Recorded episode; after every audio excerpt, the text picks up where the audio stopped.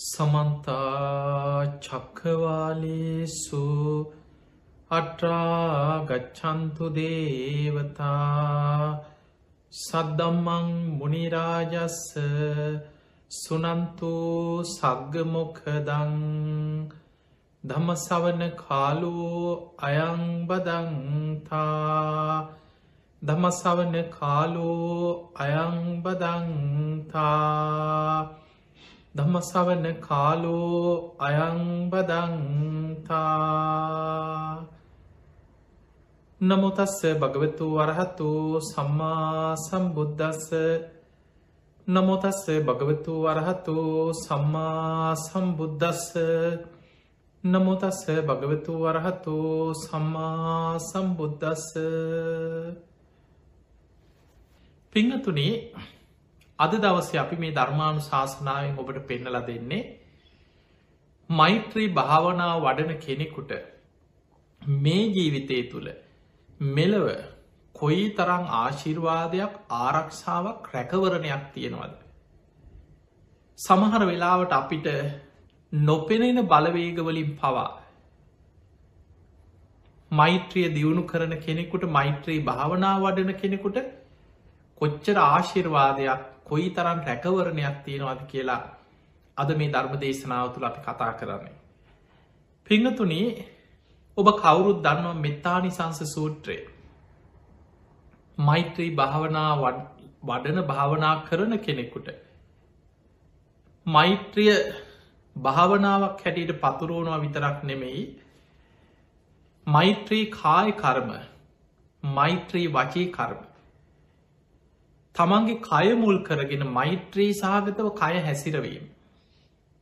මෛත්‍රී වචී කර්ම ගැන තමන්ගේ වචනය කතා කරන හැම වචනයක් තුළම මෛත්‍රී සහගතව කෙනෙක් ගෙහිත් ඉදවන්න ඇතුව සමහර වචන තියෙන ඔබ දන්නවා පිහියෙන් ගනිනවාගේ සමහරු කියනවා ඔයිට වැඩිය හොඳයි මාව මැරුවනක් කියලා. ඒ වගේ සමහර වචන මිනිස්සු මැරිමැරි උපදිනවා. ඒ නිසා බොරු කේලම් පරුස වචන හිස් වචන. කෙනෙක්ගේ සිත් ඉදවන එවැනි පහත් වචන කතා කරන්න නැතුව. සුභහසිත මෛත්‍රී සහගත කරුණාව මෛත්‍රිය එකතු වෙච්ච. සුභහසිත වචන කතා කරනවා. අන්‍යයාට තමයි භාවනාවක් හැටියට හදවතින්ම සියලු සත්‍යයෝ සුවපත්තේවා කියල මෛත්‍රිය භාවනාවක් හැටියට වඩන්න පුළුවන්. පිංහතුනේ මේ මෛත්‍රී ආනිසංසවල මේ ජීවිතේ දිට්ට දම්ම වේදනියව ලැබෙන ආනිසංස රැසක්තිය. ආනිසංස එකොළහෙන් දහයක් දිට්ට දම්ම වේදනිය. ඒ වගේ මෛත්‍රී ගැන සඳහන් දේශන ගොඩාක් තියෙනවා. මේ ඇසුරෙන් අදාපි මේ ධර්මාණු ශාසනාව තුළ විශේසින් සල කළ බලන්න. මෛත්‍රී භාවනා වඩන කෙනෙකුට මොනතරං ආශිර්වාදයක් ආරක්ෂාවක් රැකවරණයක් ලැබෙනවද කියලා. දැම් බොහෝ වෙලාවට ඔබ දන්නවා මිනිස්සුන්ට නොයෙක් අමනුස්ස කරදර. සමහලාට මැරිච්ච ඥාති ප්‍රේතයන්ගේ කරදර වෙන්න පුළුවන්. එක්කො කවුරු හරි කරපු කොඩිවින හෝනියන් කියයි. එක්කොම කවුරු හරි ආසාාවෙන් මැටල එක්කො තරහිම් මැටල පස්සෙන්ගෙන මේ සංසාරික කර්ම විපාකයක් මත අමනුස්සේ පස්සෙන් එනවා කියලා මොකක් හරි. අමනුස්්‍යයන්ගේ කරදර මිනිස්සුන්ට ඇති වෙනවා. ය බුද්ධ දේශනාවල බුදු හාන්දුර පෙන්න්නනවා. එතකොට යම් කිසි කෙනෙකුට යම් අමනුස්සේගේ කරදරයක් බාධාවක් හිරිහැරයක් තියෙනවා නම් බුදුරජාණන් වහන්සේ පෙන්නුවේ එයා මෛත්‍රිය වඩන්.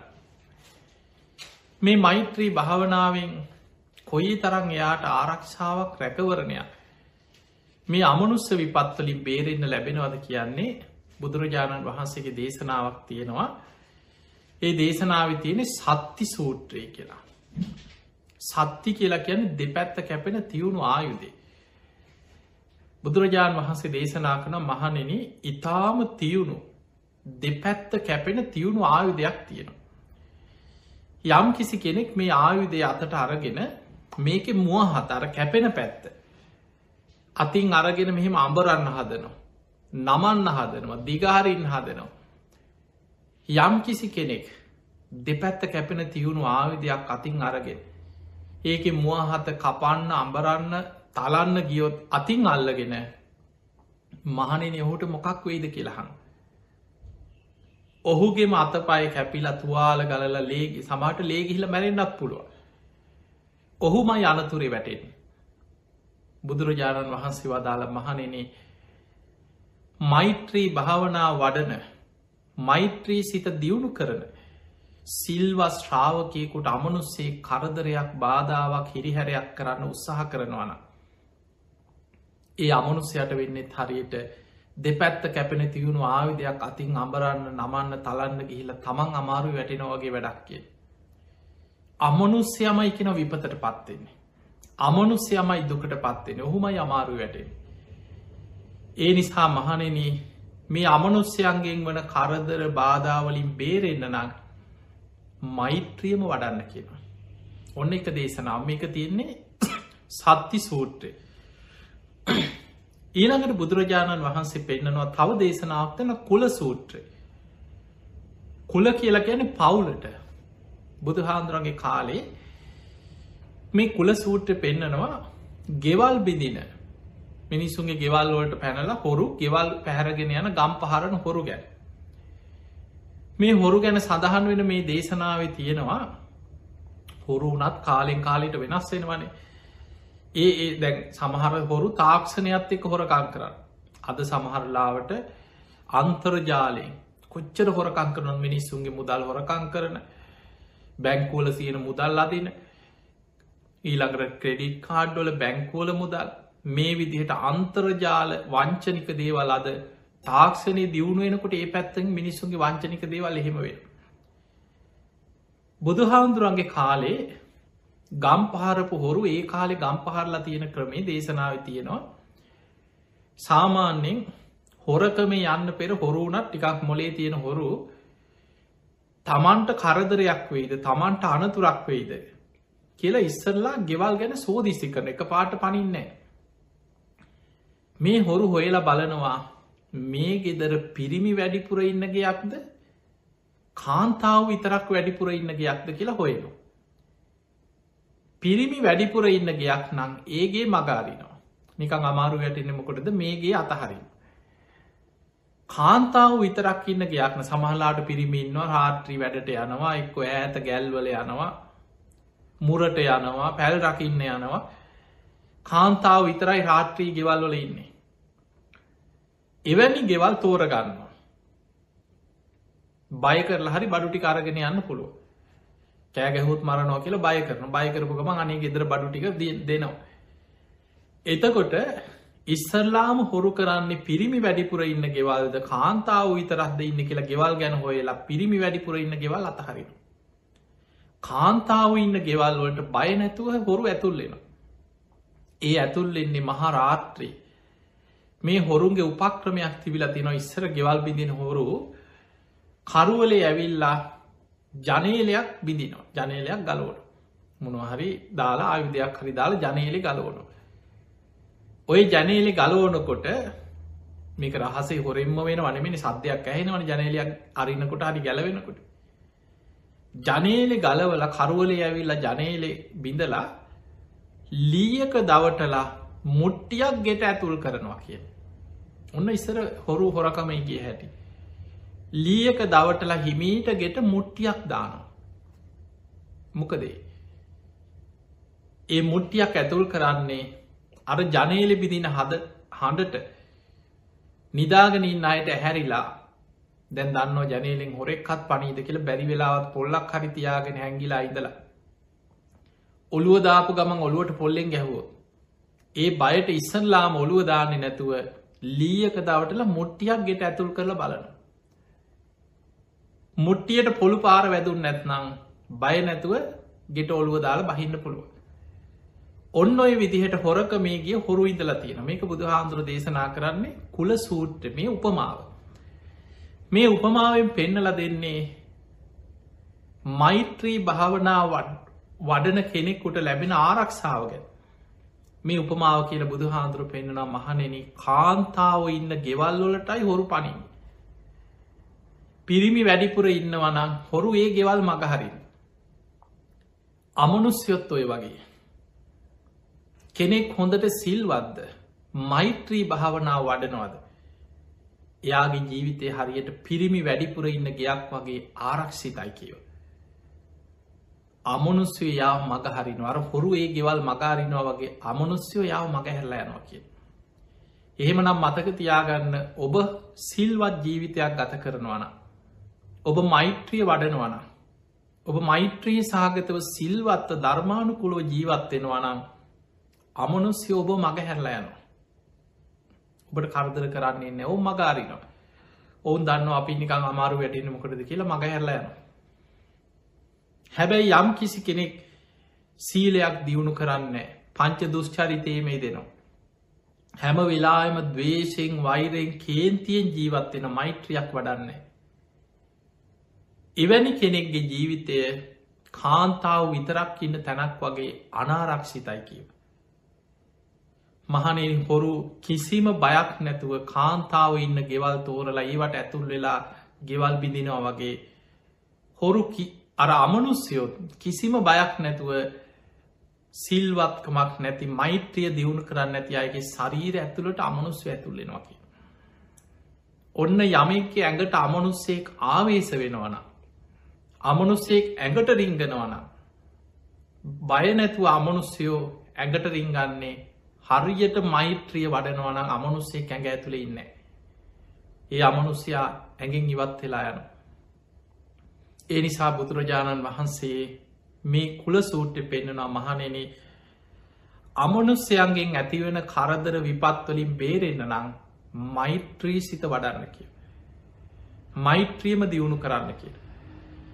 හෙම නම් පිංහතුනි ඔබ ඔ අපි දන්නේනේ අපේ ජීවිතවල මොන විදිිය කරදරයේද බාධායේද මොන වගේ අමනුස්ස විපත් පස්සෙන් එයිද අංගුත්තර නිකායි තියෙනවා අනාගත බයසූට්‍ය කියලා. අනාගතයේ ගැන බියක් ඇතිකරගෙන වර්තමාන වීරියෙන් ධර්මය අප්‍රමාදී වඩන්න කිය. අනාගත බයිස්කූට්ටි උගන්නන්න ඒක බුදුරජාණන් වහන්සේ වදාලා හැම වෙලේම හිතන්න කියනවා ගිහියෙක් වේවා පැවිද්දෙක් වේවා. කෙලෙස් සහිතව ජීවත්වීම තුළ අකුසල් කරමින් ජීවත්වීම තුළ කොයි මොහොතේ හෝ අමනුස්සේකුට මාව ගුදුරක් වෙන්න පුළුව. අමනුස්සේ ගුදුරු කරගන්න පුළුවන්. ඊට පෙරමං අප්‍රමාදීව ධර්මය දියුණු කරගෙන. මේ ධර්මය අවබෝධ කරන්න මහන්සි ගන්නවා කියලා අප්‍රමාදිය වීරිය වඩන්න කියල. අන්න අමනුස්සේකුට ගොදුරක් නොවී ධර්මය අවබෝධ කරන්න නං වර්තමානය මේ මේ මොහොතේ අප්‍රමාදීව ධර්මය වඩත් අනාගතය ගැන අපිට විශ්වාසයක් නෑ. ඒ නිසා අමනුස්ස විපත් ඒ කාලි බුදුහාදුරයි කාලෙත් තිබිලා තියෙනවා. අද වෙනකොට මේක වැඩි. සමහරුට හිතන්න පුළුවන් අද ඕව නෑ කියලා. අද මේ තාක්ෂණය දියුණුයි විද්‍යාව දියුණු අද මේව නෑ කියලා. අද හොයන්න බෑ.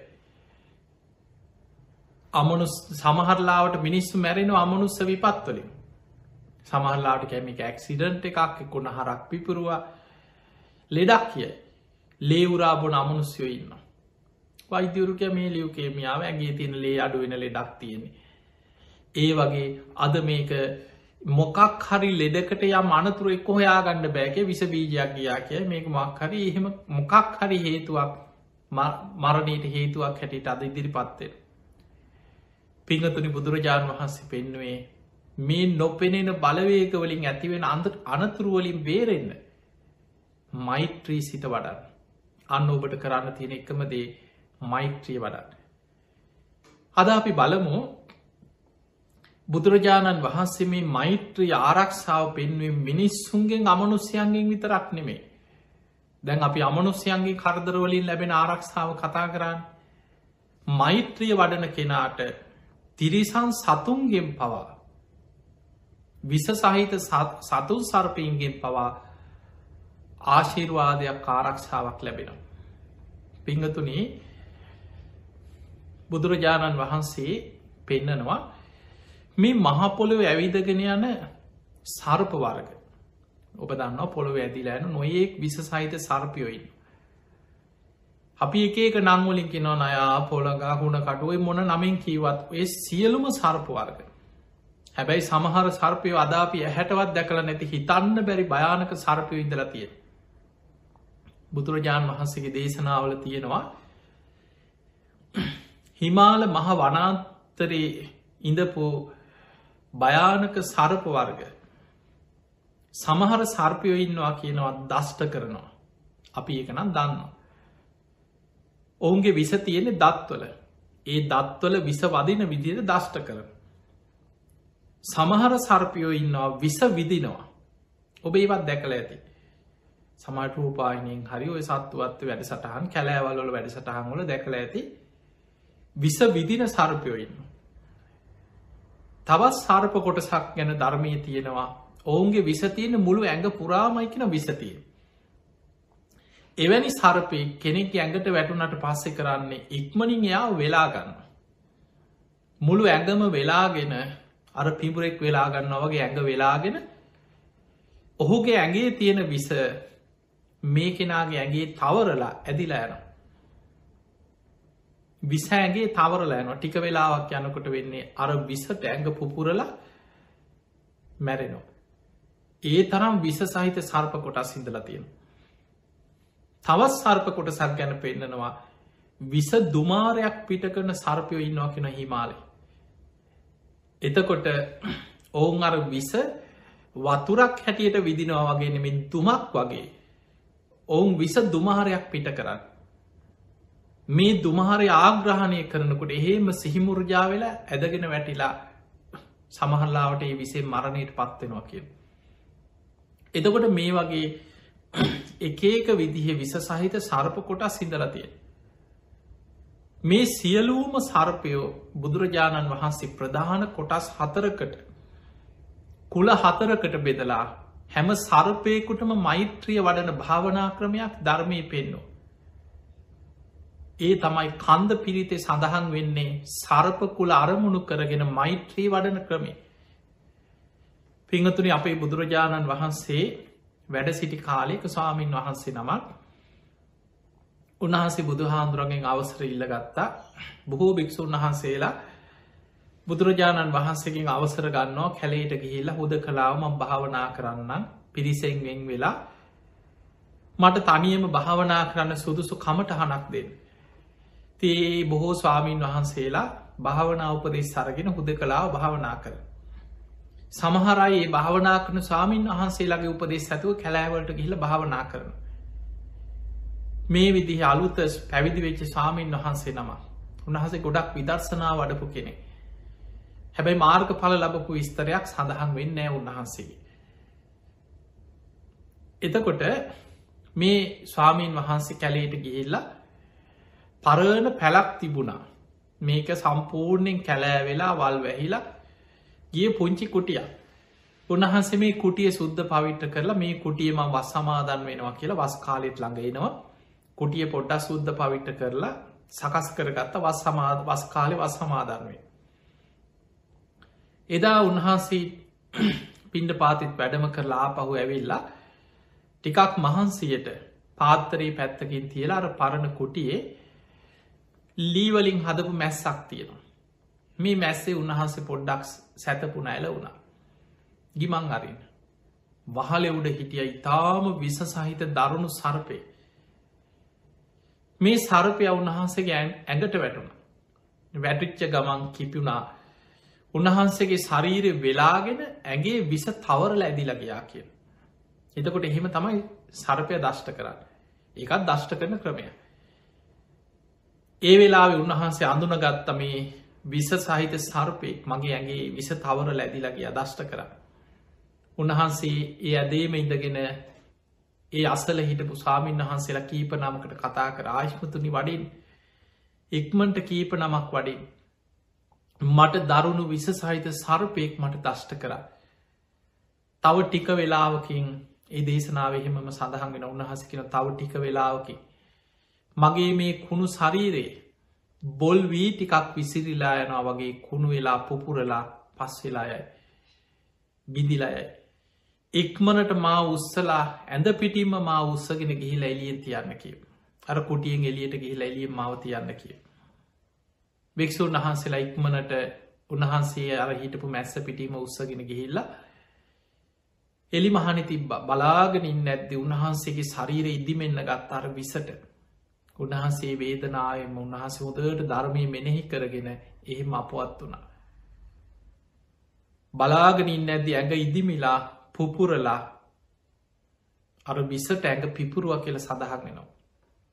එතකොට මේ සිදුවීමත් එක්ක දැන් දම්සභා මණ්ඩපේ භික්‍ෂූන් වහන්සේලා ඔන්න දැන් මේ ආරංචිය ගියා සැවැත්නුවරටත් ආරංචිය ගිය ඔන්න අසවල් කැලේ භාවනා කරන්නගේ ස්වාමීන් වහන්සේ නමකට මේ මෙහෙම සරපයත් දෂ්ට කරලා උන්වහන්සේ අපවත් වෙලා කියලා. එදා බුදුරජාණන් වහන්සේ දම්සභා මණ්ඩපේට වැඩම කර ලහනවා මහනිනි තතාගතයන් වහන්සේ වඩින වෙලාරේ. කුමක් ගැනද නුබලා සාකච්ඡා කර කර හිටි. එතකොට කිනනී ස්වාමිනි භාකතුන් වහන්ස අසවල් ස්වාමීන් වහන්සේ උන්වහන්සේ කැලේ භාවනා කරන්න ගියෙක් තරා ස්වාමීන් වහන්සේ නමක් උන්වහන්සේට සර්පයෙක් දෂ්ට කරලා. උන්වහන්සේ එතනම අපවත් වෙලා සුළු මොහොතකි. ඇයි ස්වාමීණී භාක්‍යතුන් වහන්සේ එහෙම වුණේ කියලැහුව. මේක පෙර කර්ම විපාකයක්ද මොකක්ද කියල මේක මොකද සමහර වෙලාවට බුදුරජාණන් වහන්සේගෙන් එහෙ මහද්දි උන්වහන්සේ සංසාරි අපිට හිතාගන්න බැරි පෙර සසර කර්ම විපාක ඒවෑ බැදිච්ච පුරුදු මේවා ගැන දේශනා කරනවා. එතකොට බුදුරජාණන් වහන්සේ එතනදි බුදු ඇසිම් බලල කියනවා මහනෙනේ ඒ භික්‍ෂුව සරපකුල හතරකට මෛත්‍රිය වැඩුවා නම් ඔය ආනතුර වෙන්නේ නෑ කියෝ. සරපකුල කැලේ වාසය කරන හුද කලාවඉන්න භාවනා කරන ධර්මාවබෝධයට වනාන්තරවල හුද කලා වීරිය වඩන භික්‍ෂුව සරපකුල අරමුණු කරගෙන මෛත්‍රිය වැඩිය යුතුයි කිව. එහෙම කියලා එදා සංඝයාට බුදුරජාණන් වහන්සේ දේශනාවක් කියල දුන්න. ඒ තමයි කන්ද පිරිත. අද පිරිත් පොතේ තියෙන දැ මේ දේශනාව හල ඔබ මේ දේශනාවදට බලත් පිරිත් පොතේ තියෙනවයි කන්ද පිරිත. සරපකුල අරමුණු කරගෙන මෛත්‍රිය වඩන ආකාරය. විරූපක්කේ හිමේ මෙත්තං මෙත්තං ඒරාපතේ හිමේ. චබ්‍යාපුත්තේ හිමේ මෙත්තම් මෙත්තං කන්හා ගෝතම කේහිච විරූපාක්ක චබ්‍යාපුත්ත ඒරාපත කන්හා ගෝතම ඔය ගැන සරපකුල හතරක් ඒ තමයි මේ මහපොළොව ඇවිදගෙන යන සියලුම විස සහිත සර්පයන් ඇතුළත්වෙන කොටස් හතර. මෙන්න මේ සරප කුල හතරට එතන කුල කියන කොටස්. ඒ සරප කොට්ටාස හතරට මෛත්‍රිය වඩන්. විරූපක්කේ මේ මෙත්තම් මගේ මෛත්‍රිය විරූපාක්ෂ කෙන සර්ප කොටසට මගේ මෛත්‍රිය පැතිරේවා. මෙත්තං ඒරාපතෙහිම ඒරාපත කියෙන සර්ප කොටසටත් මගේ මෛත්‍රිය පැතිරේවා. තන්හාගෝතම චබ්‍යාපුත්ත මේ සර්ප කොටස්වලටත් මගේ මෛත්‍රිය පැතිරීව. ඊළඟට කියනවා මාමං අපාදකෝ හින්සී මාමං හින්සි දිපාදකෝ. මාමන් චතුප්පදෝ හින්සී මාමං හින්සි බහුප්පදෝ. පා නැති සතුන්ගේ මට හිංසාවක් නොේවා. එකැන්නේ සර්ප කිසිම සර්පයක්ගෙන් පාද නැති සත්වයක්ගෙන් මට කවදාවත් හිංසාවක් නොඒවා. දෙපා ඇති සත්වයකි ගැන මිනිස්සු හරි කවුරු හරි දෙපා තියෙන හැම සතයක්ගේම තමන්ට හිංසාවක් නොඒවා. සිව්පා සතුන්ගේ මට හිංසාවක් නොඒවා. බොහෝ පා ඇති සත්තු කොච්චර ඉන්න දොය හැකරැල්ල වගේ සත්තු පුංචි පුංචි සත්තු පාද ගොඩක් තියෙන සත්තුයින්. ඒ අයගෙන්වත් මට හිංසාවක් නොඒවා. එතකොට තමන් සරපකුලවලට මෛත්‍රී වඩල සියලු සත්වයන්ට මෛත්‍රී වඩල තමම් ඒ කිසිම සත්වයගේ මටත් හිංසාවක් නොඒවා මගෙනුත් ඒ සත්වයන්ට හිංසාවක් කවදාවත් වෙන නෑකින අධිෂ්ඨාන. පිංහතුනේ මෛත්‍රී සිත කොච්චර ප්‍රබලද කියලා ඔබ හිතන් සිත් පිත්න සත්තු කියන්න අපි සාමාන්‍යකි නොව සතාට සිහි කල්පනාවත් සතයාට තේරුමත්තිය එහෙම කියනවන මිනිස්සුනේ. සත්තු ගැන සැනින් වෛර බඳනවා සමහල්ලාවට මෙයා හොඳ කෙනාද? මෙයා සිල්වතාද? මෙයා කොහොමද? සමට සර්පයට තේරෙන් නැතිවෙන්න පුළ හැබැයි මතක තියාගන්න පිරිත කියන්නේ මහා පුදුම බලයක්. මෛත්‍රී පිරිත කන්ද පිරිත. බුදුරජාණන් වහන්සේ දේශනා කරා මේ සර්පකුල හතරට මෛත්‍රී වඩලා. මෛත්‍රී සිත පැතිරෙව්වා නම් එහනම් අපිට පේන අපිට නොතේරෙන අපිට මැනගන්න බැරි. අපිට මේ මෛත්‍රිය වඩනකොට මේ මෛත්‍රී සිතුවිල්ලක තියෙන බලය අපිට විද්‍යාත්මක උපකරණයකින්වත් මේ තරංගයක මේ තියෙන ශක්තියක් අපිට මැනගන්න අද එහෙම පුළුවන්කමක් නැති වුණාට කෙනෙක් මෛත්‍රී සිත වඩනකොට ඒ මෛත්‍රිය සතුන්ටත් දැනෙනවා. එයා සරපකුල අරමුණු කරගෙන මෛත්‍රී වඩපු කෙනෙක්න. ඒ වෙලේ මේ සරපයා දෂ්ට කරන්න හදනකොටම මෛත්‍රී වඩන එකක් නෙමේ මේ කියන්න. එයා නිතර මෛත්‍රිය වඩනවා. එතකොට එයාගේ මෛත්‍රී සිතුවිලි මෛත්‍රී චිත්ත තරංග හැම වෙලාම යාගේ ඒ සිතුවිලිවලින් කිසිම සර්පයගෙන් සතෙක්ගෙන් යාට හිංසාවක් නොයන විදිහේ ආරක්ෂාවක් එයාට ඒ මෛත්‍රී බලෙන්ම හැදෙන. බලන්න බුදුරජාණන් වහන්සේ ඒ මොහොත දේශනා කරනම් මහනෙනේ ඒ භික්‍ෂුව සරපකුල හතරට මෛත්‍රී වැඩුවානම් ඔය විපත සිද්ධ වෙන්න ඇකි. එහෙමනම් මෛත්‍රිය කියන මහා පොදු ආරක්ෂාව. පිංහතුනේ හැබැයි ආරක්ෂාව ලැබෙන්නේ සිල්වත්වීමතු. සමහර වෙලාවට ඔබ පංච දුෂ්චරිතයේ දෙමේ. දුරාචාරය කරන්න ඕන පවකං ඔක්කෝම කරලා. සමහරු කටගොන්නක් බීගෙන පිරිත කියාගෙන ගිහිල සරපයෙක් කල්ල සර්පය දෂ්ට කරාට එක පිරිත වැරැද්දක් නෙමේ. ඔබේ අඩු පාඩු ඔබේ ජීවිතය තුළ ඔබට ධර්මය දියුණු කරන්න ගුණ ධර්ම පුරන්න ඒවා ඔබ හරියට සකස් කරගන්න. මේ පිරිතක හරි ආශිර්වාදය ලැබෙන්නේ ඔබ සිල්වත්නම්. එතකොට ඒ පිරිති ආශිර්වාදය ඔබට හරියටම ලබන්න පුළුවන්කමතිය. ඒ නිසා පිංහතුනේ සිල්වත් ජීවිතයක් ගත කරන්න. ධර්මානුකූලව ජීවත්තේ. ඒ ධර්මානුකූලව ජීවත්වෙන ගමන් සියලු සත්‍යයන් අරමුණු කරගෙන මෛත්‍රිය වඩ. දැම් බලන්න සිල්වත්කම කියන්නේ තනිකර මෛත්‍රියම තමයි. මෛත්‍රියක් නැතුව සිල් රකින්න පුළුවන්කමක් නෑ. මෛත්‍රී කාය කර්ම මෛත්‍රී වචී කර්ම කියල බුදු හාන්දුරුව පෙන්වේ සිල්වත්කම.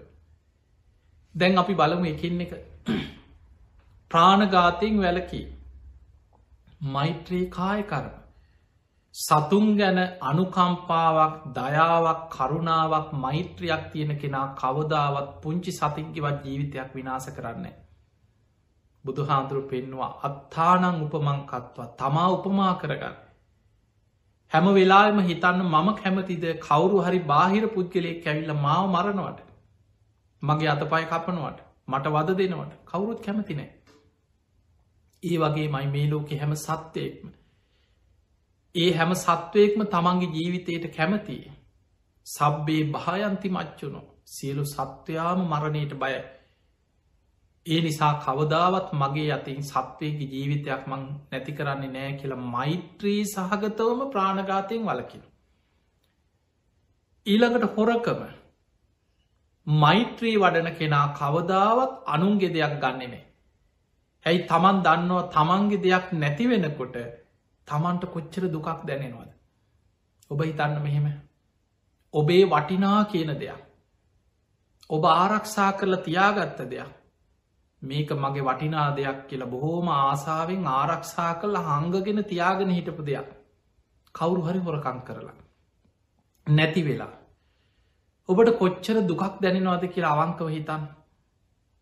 සමහර මිනිස්සු අඩනවා වැල්ල පෙනවා ඔළුව ගහගන්නවා දේවාල ගානිතුවනවා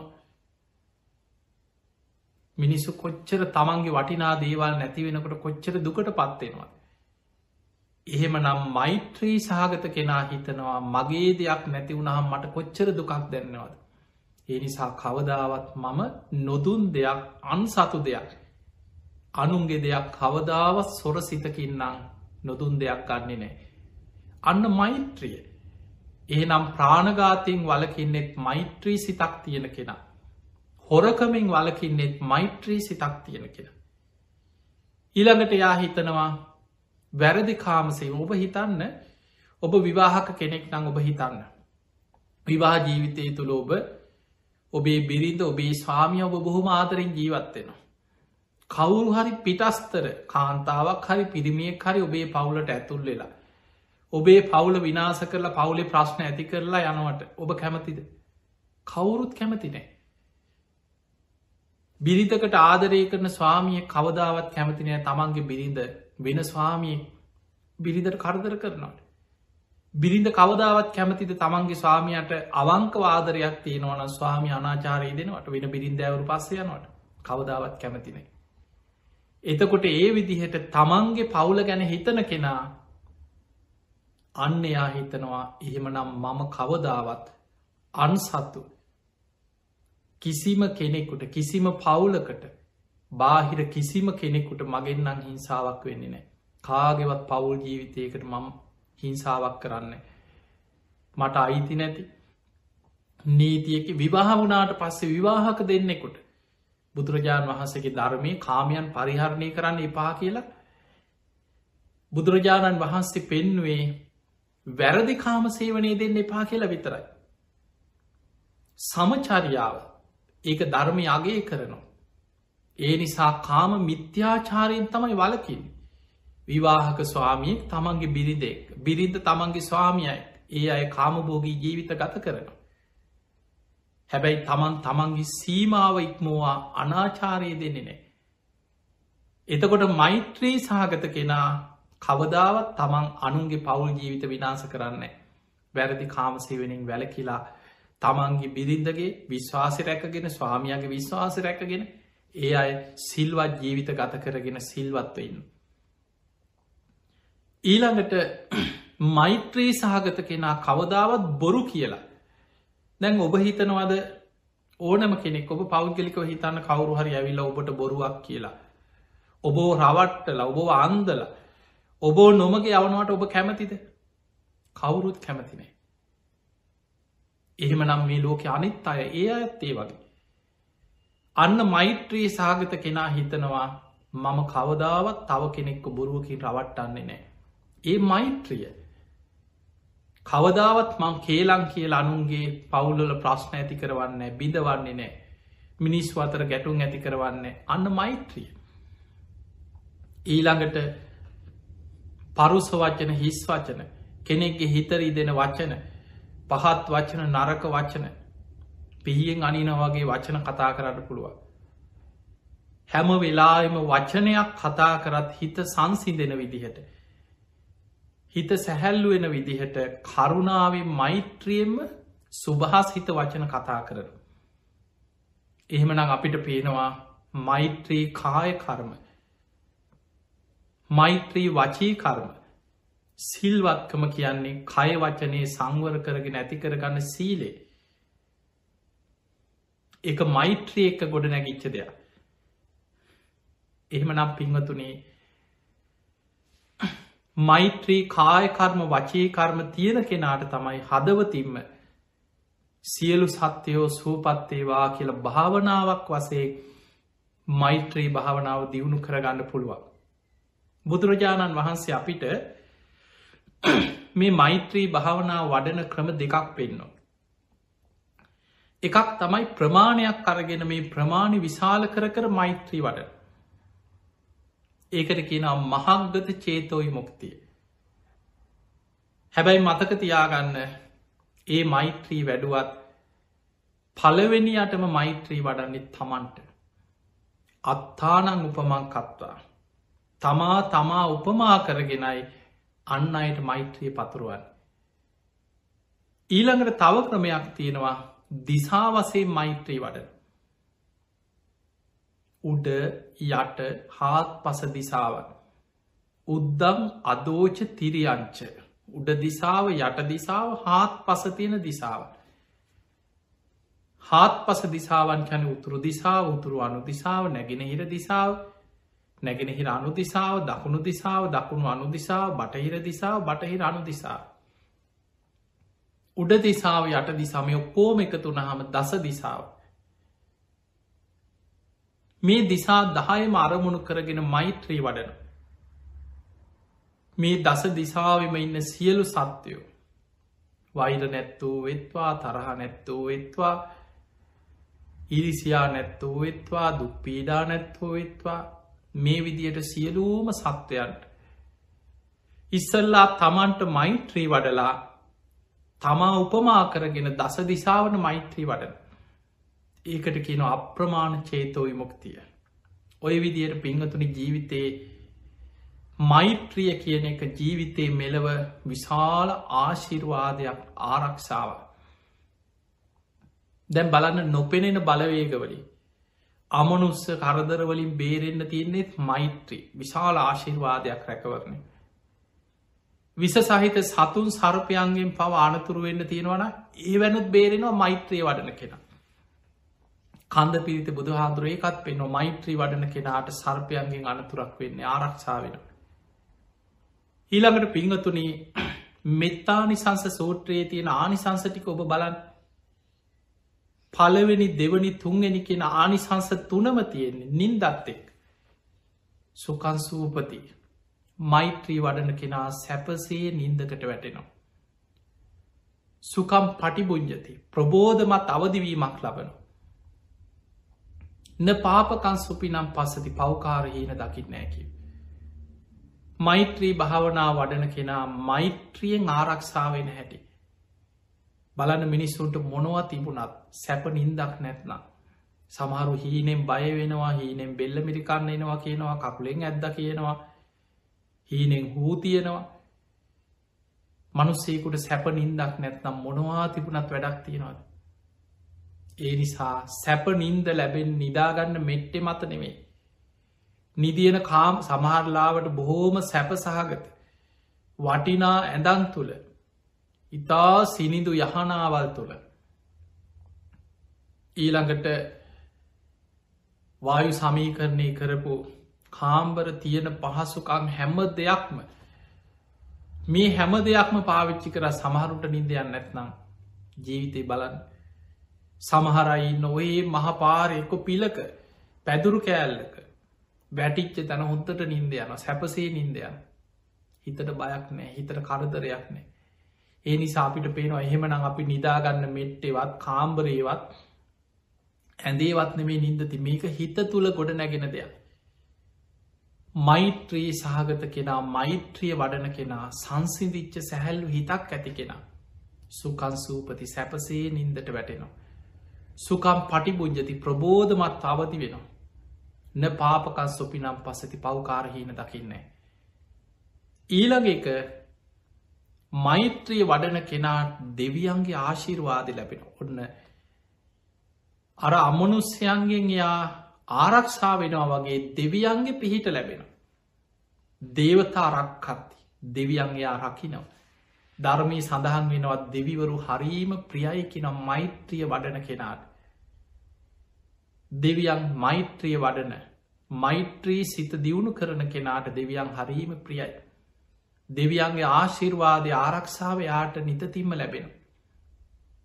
ඒ නිසා දෙවියන්ගේ ආරක්ෂාව ලබන්නනා දෙවියන්ගේ පිහිට ලබන්න මික මේ දේවාල අස්සිරිංගල දෙවියන්ගේ පිහිට ලබන්න පුළුවන්ක මක්නෑ. බොහෝ වෙලාවට අද මේ දේවාලකි ලටෝගෙන ඉන්න බොහෝ දේවල් තුළ ඉන්නේ එක්කොම ඥාති බලවේගය මැරිච්ච කවුරු හරි අමනුස්සේ මේ යක්ෂේක් අර අර දෙවියම් මේ දෙවියන් කියාගෙන වැඩිපුර මිනිස්සුවය යක්කු පෙරේතු බැදගෙන ඕ එක්ක බොහෝ දේවාලයන් දෙවිවරු කියලා කොට සක්කින්නවා ඒ අයි දේවාලාස්සරිංගගෙන් නෙමෙයි ඒ අයින්නේ ඒ ඒ දෙවියන්ගේ පිනට පහළවෙච්ච දිවිය තල චාතු මහරාජික තාවතින්සේ යාමේ තුසිතය නිර්මාණ රති පරණින්මිත වසවර්ති. දිවියලෝක හයක් බුදුරජාණන් වහන්සේ පෙන්වා දිවිය තල හැටියට ඉහලට ඉහලට ඒ ඒ දිවියලෝක පිහිටල තියෙන්නේ. මනුස්සලෝක ඉඳං යොදුම් හතලිස් දෙදාහක් ඉහල අහසේ චාතුම් මහාරාජික දිවිය තලේ පිහිටනවා එතන ඉදන් තවත් යුදුම් හතලිස් දෙදාහක් ඉහලින් තවත් තව තිසාදිවිය ලෝක පීට එතන ඉදන් තවත් යුදුම් හතලිස් දෙදහක් ඉහලින් යාම දිවිය ලෝක එතකොට ඔය විදිහට හැම දිවිය ලෝකයක්ම යොදුම් හතලිස් දෙදහක පරතරය තුළ ඉහල අහසේ දිවිය තල පිහිටන බෞබුදු හාදුරගේ දේශනාවල අටුව අවල් පැහැදිලි විස්තර වෙන. ඒ නිසා දෙවියන්ගේ පිහිට රැකවරණය මනුස්සලෝක මිනිස්සුන්ට ධර්මී හැසිරෙන කෙනාට ධර්මය දියුණු කරන කෙනාට මෛත්‍රිය වඩන කෙනාට දෙවියන්ගේ පිහිට රැකවටි ලැබෙන. අන්න දෙවියන්ගේ පිහිට ලබන්න නම් මෛත්‍රිය වඩ ඊළඟට ඒ දේශනාවේ මෙත්තානි සංස සූත්‍රයම පෙන්නා දෙවියන් විතරක්නේ මනුස්සානම් පියෝහෝති යා මිනිස්සු අතරත් ප්‍රිය කෙනෙ මෛත්‍රිය වඩන කෙනා. හැම විලීම කතා කරන්න මෛත්‍රී සහගත වචන. කාටවත් හිංසාවක් නැති කෙනා. නිරායාසින් මිනිස් ඔහුට ආදරය කරන. මිනිස් ඔහුට කැමති. අනේ හරි හොඳ කෙනෙ කාටවත් හිංසාවක් නැති කෙනෙ වචනකින්වත් කාටවත් අනතුරක් නැති කෙනෙ මිනිස්සු හරියට යාව ගුණ කියනවා වර්ණා කන මිනිස්සු යාට ප්‍රියයි. ඒ විතරක් නෙමෙයි අමනුස්සානම් ප්‍රියෝහොති අමනුස්්‍යයනුත් එයාට ප්‍රියයි කිය ඇයියා මිනිස්සුන්ට විතරක් නෙමේ සබ්බේ සත්තා භවන්තු සුකි තත්වා සියලු සත්‍යයෝම සුවපත්තේවා කියලා සියලු සත්‍යයන්ටම මෛත්‍රී වඩන කෙනෙ එයාගේ මෛත්‍රිය නිසා මෛත්‍රී සිත නිසා අමනුස්සයනුත් එයාට ප්‍රියයි. එයාට හිරිහැරයක් කරන්නෙත් නෑ. අමනුස්්‍යයන්ගෙන් හිරිහැරයක් එයාට වෙන්නෙත් නෑ. ඒ නිසා බලන්න මේ ජීවිතය තුළ අපිට කොච්චර ආනිසංස ලබන්න පුළුවත් ඊළඟට තව අනතුරු විපත්වලි බුදුහාන්දුරපෙන මෛත්‍රිය වඩන කෙනා දෙවියන්ගෙත් පිහිටත් එක්ක. මෛත්‍රී පින මේ හැම දෙයක්ම එක්ක. ගින්නෙන් අනතුරක් වෙන්න ගියත්. වසවිසෙන් යාට අනතුරක් වෙන්න ගියත් අවියාවිදයකින් අනතුරක් වෙන්න ගියත් ගින්නෙන් වසවිසෙන් අවියාවිතවලි අනතුරු මග හැරෙනවා කිය ඒවැගේ ආරක්ෂාවෙන්. මෛත්‍රිය කියන කොච්චර ආරක්ෂාවත්ද හිතත්? දැම් බලන්න අමනුස්්‍යයන්ගෙන් කරදර ඇතිවෙන්නේ සතුන් සර්පයන්ගෙන් අනතුරු ඇතිවෙන්නේ දෙවියන්ගේ ආරක්ෂාවත් ලැබෙනවා. මිනිස්සුන්ටත් ප්‍රියයි අමනුස්්‍යයන්ටත් ප්‍රියයි. ඒ විතරක් නෙමෙයි ගින්නෙන් වසවිසෙන් අවියාවිදවලින් අනතුරු වෙන්න තියෙනවනම් ඒවා මෛත්‍රී වඩන කෙනාට මගහැරිලා ඒවැන් ආරක්ෂාවෙනවා කිය. කොච්ච රාශිර්වාදයක්ත් කොයි තරම් රැකවරණයත්. ඊළඟට මෛත්‍රී වඩන කෙනාගේ යාගේ ලේධාතුව පවිට්‍රත්වයට පත්වෙන. මුහුණේ පැහැපත් භාවයක් ප්‍රියසීලීකමක් ඇති වෙනවා කියෙන. මුකවන්න විප්පති විප්පසීදති. ඊළඟට තුවටන් චිත්තන් සම ඉක්මනින් යාගේ හිතත් එකඟ වෙනවා. මෛත්‍රී වඩන කෙනාගේ හිත ඉක්මනින් එකඟ වෙන. කොච්චර ආරක්ෂාවක් ඊළඟට මරණාසන්න වෙනකොට කවදාවත් මෛත්‍රිය වඩන කෙනා සිහිමුලා වෙලා මැරෙන්නෑ කියෙන්. ඔබ දැකළ ඇති මිනිස්සු සීලයක් දියුණු කරගත්තේ නැති ධර්මයක් වඩාගත්තේ නැති අකුසල්ම කර කර හිටපු මිනිස් මරණ මංචකයේ සිහි විකල් වෙලා කියෝලා හෝතියල දෙවනක් කරලා කරපු පවකම් වමාරලා මිනිස්සු කොච්චර විදෝලද මැරෙන්නේ? සිහිය විකල්ලුනාට පස්සේ සමහරු සත්තු වගේ. ඒ නිසා මරණ මංචකයේ සිහි මුලා නොවී රැකෙන්න්නන මෛත්‍රී වඩන්න. දැම් බලන්න මේ ආනිසන් මරණින් මත්තේ බඹල උපදිනවා කියලා තින මෛත්‍රී දිහාන වඩපු කෙන. දැම් බලන්න මේ මෛත්‍රී ආනිසංස ඔක්කෝම එකතු කරලා ගලන්න. ජීවිතයට කොච්චර ආරක්ෂාවත් මොන තරන් රැකවරණයක්ද කියලා එනිසා පිංහතුනේ මේ ලැබිච්ච මනුස්ස ජීවිතය තුළ හැම කෙනාටම සමහල්ලාට මේ දේශනා වහන ආග බෞද්ධයෙක් නොවෙන්න පුළුවන් මේ බණහනොබ ඕනම කෙනෙකුට මෛත්‍රී වඩන්න සියලු සත්‍යයෝ සුවපත්තේවා ගැන් මේ ආගමක් අවශ්‍ය දෙයක් නෙමේ. ඒ නිසා හැමෝම මෛත්‍රිය වඩන්න මෛත්‍රිය පුරුදු කරත් මෛත්‍රී සහගතව ජීවත්තයට.